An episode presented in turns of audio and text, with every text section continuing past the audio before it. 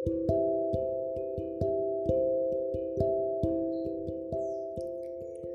tahu, mungkin saat ini kamu berniat untuk berhenti, tapi stop di situ.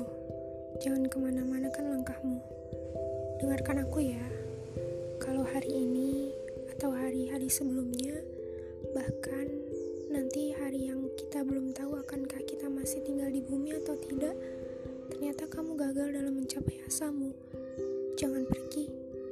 Tetap pada impianmu, tetap pegang semangatmu.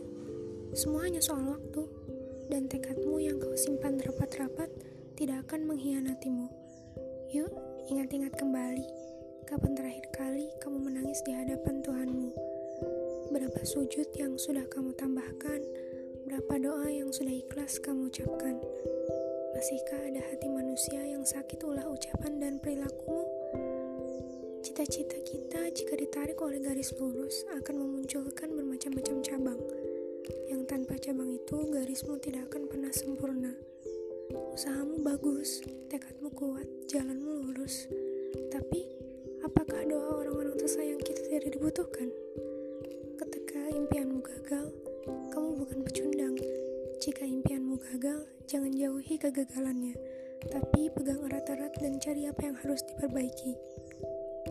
Kamu hanya sedang ditegur oleh Tuhan, seperti remedial. Orang-orang sukses bukan berarti tidak pernah remedial, bukan? Sabar ya dengan prosesnya. Aku tahu kamu pasti kuat.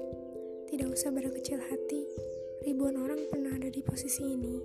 Kamu tinggal pilih untuk menyerah atau tetap melangkah. Kita tidak akan tahu mana waktu yang tepat kecuali kita menjalaninya. Aku percaya kamu pasti bisa.